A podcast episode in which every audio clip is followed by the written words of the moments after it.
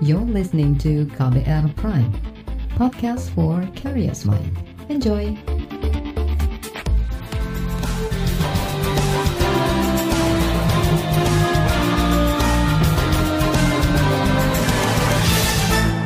Halo selamat sore saudara, apa kabar Anda sore hari ini? Kembali saya Reski Mesanto hadir di KBR Sore, hari ini edisi Jumat 17 September 2021. Sore hari ini kembali saya siap untuk menjadi teman Anda selama kurang lebih 30 menit ke depan.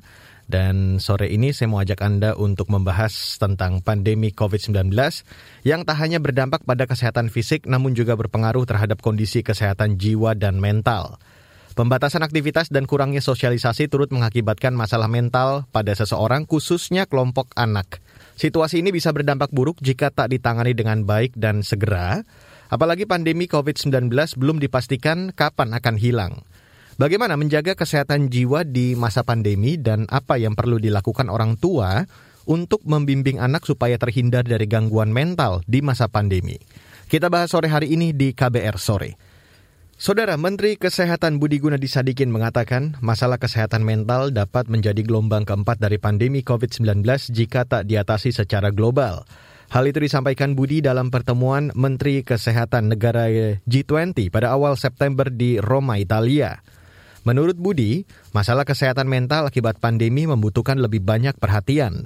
Dia mengajak semua pihak tidak membiarkan masalah kesehatan mental di masa pandemi. Di Indonesia, Kementerian Kesehatan mencatat masalah kesehatan mental meningkat sejak 2020. Direktur Pencegahan dan Pengendalian Masalah Kesehatan Jiwa dan Napsa atau P2MKJN di Kemenkes Celestinus Egia Munte mengatakan, peningkatan masalah kesehatan mental terjadi lantaran masyarakat mulai memikirkan dampak ekonomi akibat pandemi. Selain itu, ada perasaan tertekan yang disebabkan perubahan kebiasaan akibat ada pengetatan aktivitas, melalui PSBB dan PPKM. Dari penelitian yang kita dapatkan, sebenarnya di tahun 2020 ini kita melihat ada peningkatan kasus masalah depresi sebesar 8,5 persen. Dan kemudian masalah kecemasan sebesar 6,8 persen. Ini dari dari di tahun 2020 yang kita kumpulkan datanya. Nah, peningkatan kasus ini itu memperlihatkan bahwasanya cemas itu muncul karena orang mulai berpikir ini secara ekonomi, finansial, kehidupan dia ketika masalah pembatasan kegiatan ini berkelanjutan itu akan mengakibatkan yang miskin menjadi semakin miskin, yang kaya pun menjadi miskin. Artinya timbul kecemasan yang mendorong kemudian muncul berbagai macam pikiran yang semakin hari akan mendorong orang berpikir untuk menyelesaikan masalahnya secara singkat. Nah, dari data yang kita dapatkan pada kelompok usia 17 sampai dengan 29 tahun eh, dari data swab periksa PDSKJI itu kita melihat bahwasanya masalah depresi dan kecemasan ini menjadi suatu masalah yang menonjol pada saat ini. Celestinus mengklaim pemerintah telah menyiapkan layanan konsultasi untuk mencegah dampak buruk akibat kesehatan jiwa. Tentunya pertolongan yang kita bisa dapatkan dengan cepat untuk saat ini adalah kita di Kementerian Kesehatan sudah melaunching dari 2020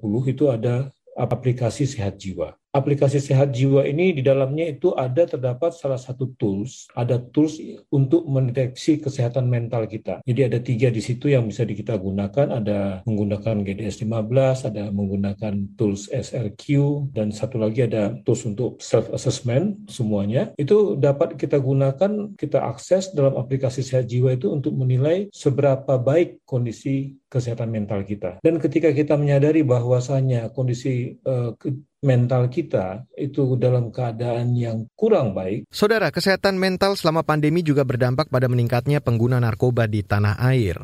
Wakil Presiden Maruf Amin mengungkapkan, penelitian menunjukkan kecenderungan penyalahgunaan narkoba dan peredaran gelap terus meningkat. Kata Wapres, salah satu penyebabnya ialah perubahan kondisi sosial dan ekonomi di masyarakat akibat pandemi COVID-19. Salah satu faktor penyebabnya adalah stres yang dialami seseorang karena adanya perubahan situasi sosial dan ekonomi sebagai dampak pandemi COVID-19. Kondisi tersebut membuat seseorang lebih mudah terpengaruh untuk menggunakan narkoba. Saudara itu tadi Wakil Presiden Maruf Amin. Dan selanjutnya di KBR Sore akan saya hadirkan laporan khas KBR yang akan membahas topik pandemi dan kesehatan mental anak. Tetaplah di KBR Sore. You're listening to KBR Pride, podcast for curious mind. Enjoy!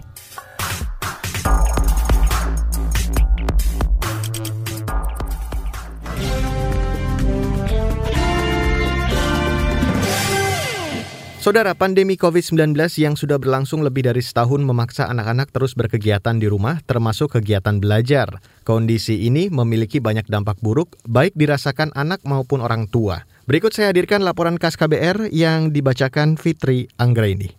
Mulailah mereka bosan, kan gitu. Nah, saya tahu bosan, mereka sering berulang-ulang bilang ingin sekolah lagi dan sebagainya sebagainya. Kalau saya sendiri sih masih bisa dengan berbagai alasan keluar rumah ya.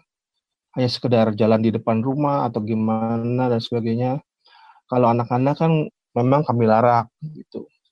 Terus eh, bisa sih ada beberapa alternatif yang membuat mereka sedikit enjoy misalnya main handphone nonton TV dan sebagainya itu tadi Mian, ayah dari tiga anak yang tinggal di Bandung, Jawa Barat. Pandemi COVID-19 memaksa mereka harus turut mengawasi dan menjaga anak-anak tetap nyaman di rumah di sela-sela mereka bekerja. Kebosanan juga dialami dua anak dari seorang ibu bernama Malika, warga Jakarta. Ini anakku kelas 2 uh, dan 3 sekolah dari rumah ini luar biasa ya ngejalaninnya. Nemenin anak belajar sambil kerja. Belum lagi kalau dia bosen tantrum karena nggak bisa main di luar bebas kayak dulu. Nah ini kan kabarnya mau PTM terbuka nih ya Oktober gitu. Nah ini jujur kayaknya seneng juga sih. Tapi di sisi lain takut itu ada ya. Soalnya ibaratnya nih ya Udah dijagain sehat sejauh ini nih. Nanti terus sakit pas sekolah Kok ya apes banget gitu Sejumlah penelitian menyebutkan pandemi COVID-19 membawa dampak buruk bagi anak. Secara fisik, pandemi membuat aktivitas fisik anak berkurang dan bisa berujung pada obesitas. Selain fisik, anak-anak juga mengalami gangguan kesehatan mental. Penelitian menunjukkan dampak-dampak psikis seperti depresi dan gejala kecemasan terjadi saat pandemi virus corona. Pengurus Federasi Serikat Guru Indonesia FSGI Retno Listiarti menyebut tahun lalu ada dua siswa SMP yang bunuh diri karena depresi dengan menumpuknya tugas selama belajar jarak jauh. Retno kecewa karena banyak pihak menyangkal kasus bunuh diri itu terkait depresi anak di masa pandemi. Kami sadar bahwa motif bunuh diri itu tidak pernah tunggal, namun pasti ada motif utama gitu ya. Jadi uh, ketika dinas-dinas pendidikan atau Kemdikbud, Kemenak atau pihak lain lah ya yang kemudian tidak mempelajari, tidak memeriksa apakah sekolah seperti apa, tugasnya kayak apa, contoh tugasnya seperti apa, anak yang lain bagaimana, itu tidak pernah diperiksa. Sementara psikolog remaja Anastasia Satrio menerima banyak keluhan dari orang tua mengenai perubahan perilaku anak selama pandemi. Kita memang sama-sama menghadapi situasi yang nggak ideal ya di masa pandemi ini dan daya tahan kita ini udah di titik-titik akhir udah tip rasanya saya pun sendiri sering sekali di bulan ya bikin happy kok emosinya bagi gitu jadi terutama lebih banyak strugglingnya ya kita di masa pandemi ini. Nah tadi ada yang mulai cerita uh, anaknya mulai berperilaku uh, tidak sesuai itu pas pagi hari uh, untuk ikutin sekolah online. Oh, sering nangis karena pengen ketemu dan main sama teman-teman tapi nggak bisa. Ada juga yang bilang, I have no friends, ibu. Ya, aduh sedih sekali ya. Setiap bangun tidur selalu nanya, hari ini aku libur atau sekolah? Dan kalau tahu hari ini sekolah langsung bete ya. Kondisi ini menggerakkan psikolog dari Universitas Gajah Mada Yogyakarta, Novi Puspita Chandra membuat gerakan sekolah menyenangkan. Novita mengatakan selama pandemi ada dua masalah besar pada siswa, yakni turunnya motivasi belajar dan kesehatan mental anak. Kondisi ini membuat pembelajaran secara daring tidak maksimal kesehatan mental itu juga menjadi salah satu problem 15 persen. Stres depresi bosan. Dan bapak ibu bahkan saya sekarang sering mendapat klien anak-anak remaja uh, yang mereka berpikir untuk bunuh diri sampai seperti itu karena mereka tidak tahu harapan mereka apa ya. Apalagi ditambah situasi pandemi seperti ini WHO memang juga memprediksi bahwa pandemi berikutnya sebetulnya adalah pandemi kesehatan mental ya. Tidak hanya dialami oleh anak-anak tetapi juga dialami oleh dewasa. Tapi anak-anak dan remaja ini sayangnya kadang-kala tidak menunjukkan tanda-tanda dan orang dewasa di sekitarnya juga tidak menyadari itu Novi berharap guru dan orang tua lebih memperhatikan kondisi fisik dan mental siswa serta menyesuaikan kembali materi pembelajaran. Menurutnya, pendidikan di Indonesia sudah tidak relevan lagi dengan kebutuhan anak-anak di masa depan, sehingga anak-anak menjadi tidak siap ketika dihadapkan pada perubahan digital seperti yang terjadi semasa pandemi COVID-19. Laporan ini disusun Agus Lukman. Saya Fitri Anggreni. Saudara, apa saran dari KPAI agar anak terhindar dari stres selama pandemi? Tetaplah di KBR sore. You're listening to KBR Pride, podcast for curious mind. Enjoy.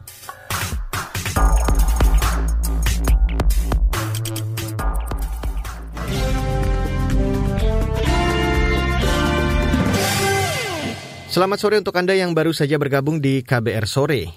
Saudara, orang tua, lingkungan, dan guru diminta bersiap membimbing anak yang akan mulai memasuki kehidupan dengan kebiasaan baru saat pandemi. Itu disampaikan Komisi Perlindungan Anak Indonesia atau KPAI, Jasra Putra. Selama lebih dari setahun pandemi, anak-anak jauh dari kehidupan luar lantaran dibatasi pergerakannya. Hal itu membuat anak-anak merasa stres. Lalu, bagaimana cara orang tua dan guru harus bersikap? Dan sore ini saya mau ajak Anda untuk langsung mendengarkan wawancara jurnalis KBR Dwi Renjani bersama Komisioner KPAI Jasra Putra. Terkait kesehatan mental anak saat pandemi dan nanti setelah kehidupan normal gitu.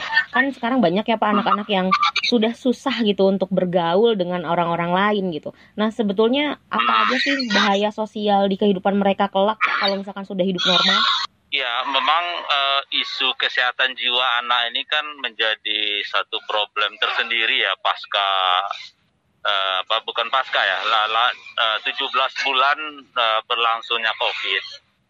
Data Kemenkes menyebutkan ada 277 ribu uh, orang dengan uh, gangguan jiwa ya, baik itu sedang, uh, ringan, sedang dan berat gitu ya. Mm -hmm. Uh, karena uh, bicara gangguan jiwa ini kan belum terlalu familiar ya di tingkat uh, masyarakat karena masyarakat uh, tahu jika kalau ada uh, apa kejadian-kejadian uh, yang di mana uh, sampai ke uh, apa orang dengan gangguan jiwa atau uh, apa ODGDJ gitu ya mm-hmm. baru kita tahu gitu. Nah lalu yang kedua tentu um, situasi normal yang uh, apa situasi normal kebiasaan baru yang sudah di perlahan-lahan sudah mulai dibuka gitu baik PTM, wisata maupun uh, tempat perbelanjaan tentu akan terjadi lagi perubahan-perubahan ya uh, terkait situasi kehidupan mm-hmm. termasuk juga dari sisi ekonomi. Nah maka uh, hal yang perlu di, uh, dilakukan adalah bagaimana memperbanyak uh, apa sumber-sumber atau informasi-informasi tempat uh, keluarga untuk berkonsultasi ya terkait situasi yang dialami. Kalau yang bisa dilakukan oleh pendidik Pak guru-guru gitu seperti apa sih Pak langkah-langkahnya? Dengan pembelajaran tatap muka terbatas ini kan ini kesempatan bagi guru untuk uh, berdialog langsung dengan anak, uh, menanyakan bagaimana kondisi keluarga, menanyakan bagaimana perasaan anak selama pembelajaran jarak jauh, kemudian mendengarkan apa keinginan anak uh, uh, apa ketika pembelajaran tatap muka dilangsungkan gitu ya. Uh, dengan mengetahui kondisi keluarga dan mengetahui kondisi anak ya tentu ini akan uh, bisa membantu anak-anak kita dalam situasi katakanlah dia mulai bosan di rumah, sudah mulai stres gitu ya. Nah saya kira dengan pembelajaran tatap muka melalui guru, mudah-mudahan situasi rumah yang katakanlah tidak sama di seluruh Indonesia ini uh, mudah-mudahan uh, bisa me, katakanlah meringankan ya dari sisi perasaan, dari sisi kebosanan gitu ya. Uh, sehingga dengan seperti itu maka uh, dunia pendidikan juga diharapkan mampu untuk uh, katakanlah sebagai salah satu alternatif solusi terkait eh, kebosanan pembelajaran jarak jauh, kebosanan dari komunikasi orang tua yang tidak ramah dan seterusnya. Nah dengan seperti itu tentu anak-anak kita eh, diharapkan juga uh, munculnya curhatan kepada guru gitu ya dan tentu guru diharapkan bisa mendengar curhatan tersebut gitu. Oh, setelah uh, dinormalkan kembali untuk anak-anak yang memiliki gejala itu sangat dibutuhkan konseling ke psikolog berarti ya Pak? Ya, jadi konseling keluarga, kemudian di sekolah kan ada juga uh, apa guru BK ya. Mm-hmm. Saya kira itu bisa juga anak-anak uh, atau mungkin guru BK sudah dengan pembelajaran tatap muka ini juga melakukan asesmen ya hmm. terkait situasi anak dan dengan hasil asesmen ini tentu diharapkan ada pendekatan-pendekatan uh, yang mampu untuk membantu uh, kondisi anak bisa uh, kembali dari situasi kebosanan, situasi dari apa uh, stres gitu ya. Uh, sehingga uh, apa anak-anak kita juga dalam situasi uh, apa ini juga mulai bangkit gitu ya, mulai uh, terlatih dengan hidup di situasi pandemi gitu ya. Mm-hmm. Apalagi pandemi ini akan menjadi endemi ya tentu anak-anak harus kita siapkan juga gitu untuk uh, apa bagaimana kebiasaan baru hidup di situasi pandemi ini gitu Pak. Itu dia wawancara jurnalis KBR Dwi Renjani bersama Komisioner KPAI Jasra Putra. Bagaimana kalangan psikolog melihat masalah kesehatan mental dan jiwa selama pandemi? Informasi selengkapnya sesaat lagi. Tetaplah di KBR Sore. You're listening to KBR Pride, podcast for curious mind. Enjoy!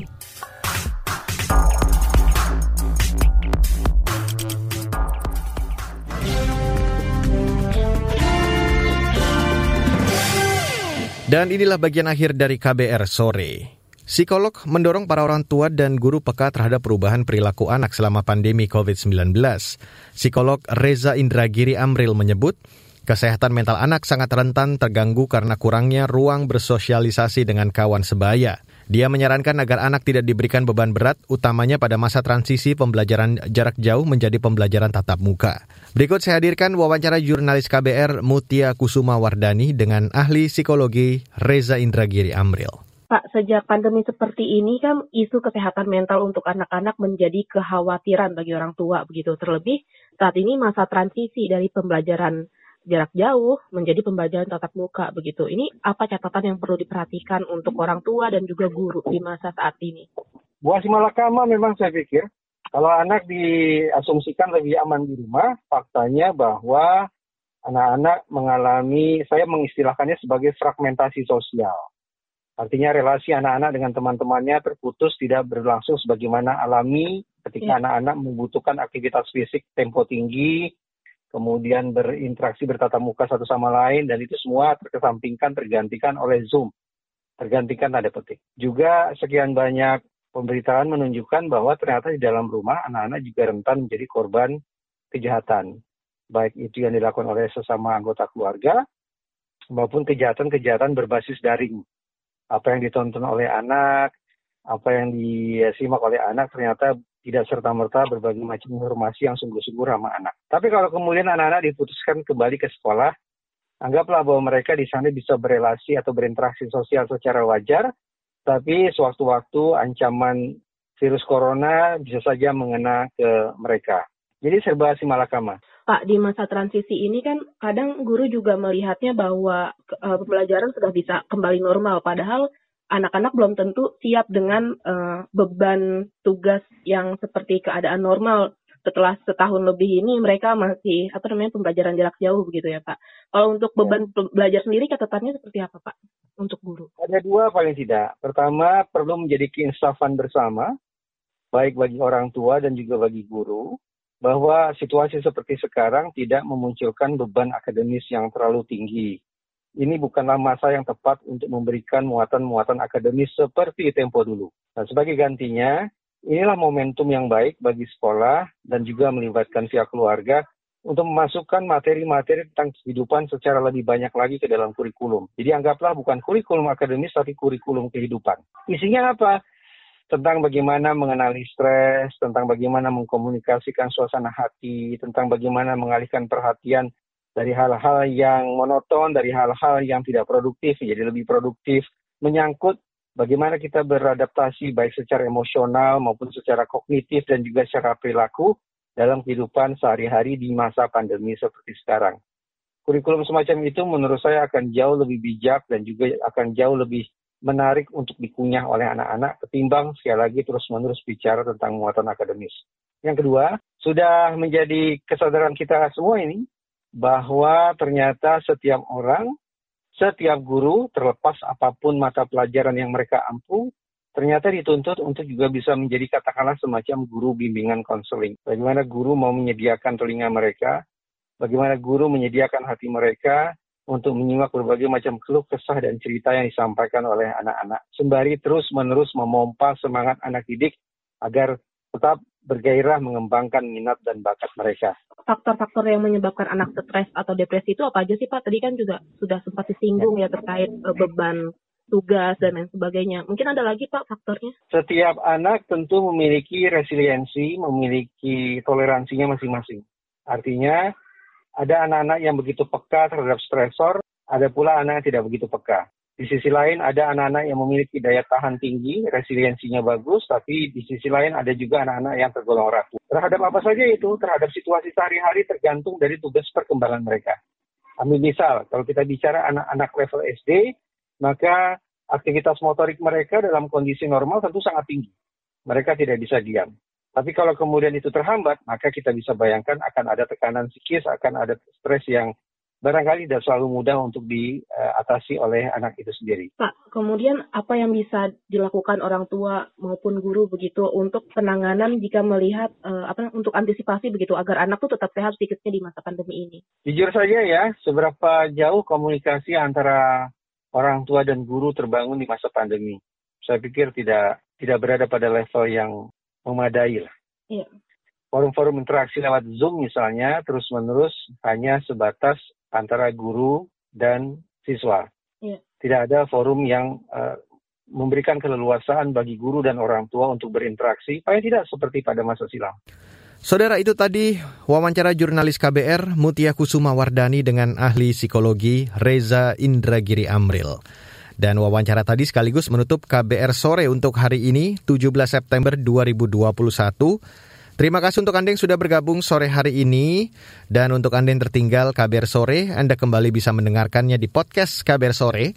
Ada di KBR Prime, Spotify, Apple Podcast, dan platform lain mendengarkan podcast. Ingat selalu patuhi protokol kesehatan di mana pun Anda berada, kurangi mobilitas semaksimal mungkin, karena itu adalah salah satu kunci untuk memutus rantai penyebaran COVID-19. Selamat berakhir pekan, dan saya Reski Mesanto mewakili tim redaksi yang bertugas sore hari ini. Kami undur diri, salam.